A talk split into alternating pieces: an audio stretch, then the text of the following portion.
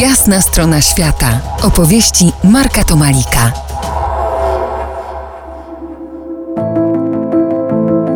Wracamy do mrożącej krew w żyłach i nogach wyprawy polarnej z okresu I wojny światowej.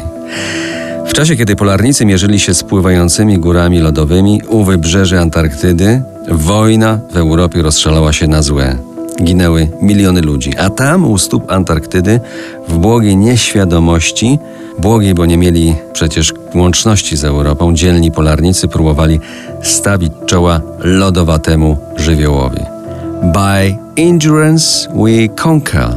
Przez wytrwałość zwyciężymy. To słynne motto rodziny Shackletonów miało nie tylko zdobić nazwę statku, ale i świecić każdego dnia wyprawy.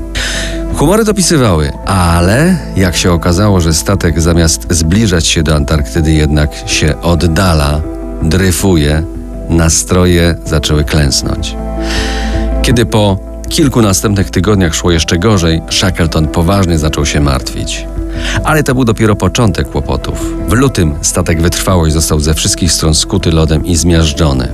Cała załoga musiała go opuścić i wkrótce Endurance zatonął. Zostali na lodzie.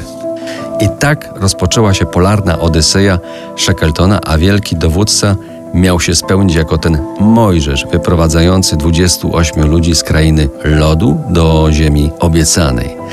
Ich droga w Oceanie Zimna trwała przez ponad rok. Kiedy dotarli do Wyspy Słoniowej, Shackleton razem z kilkoma towarzyszami zdecydował, że popłynie o wiosłach małą szalupą do odległej o 1200 km innej wyspy, Georgii Południowej.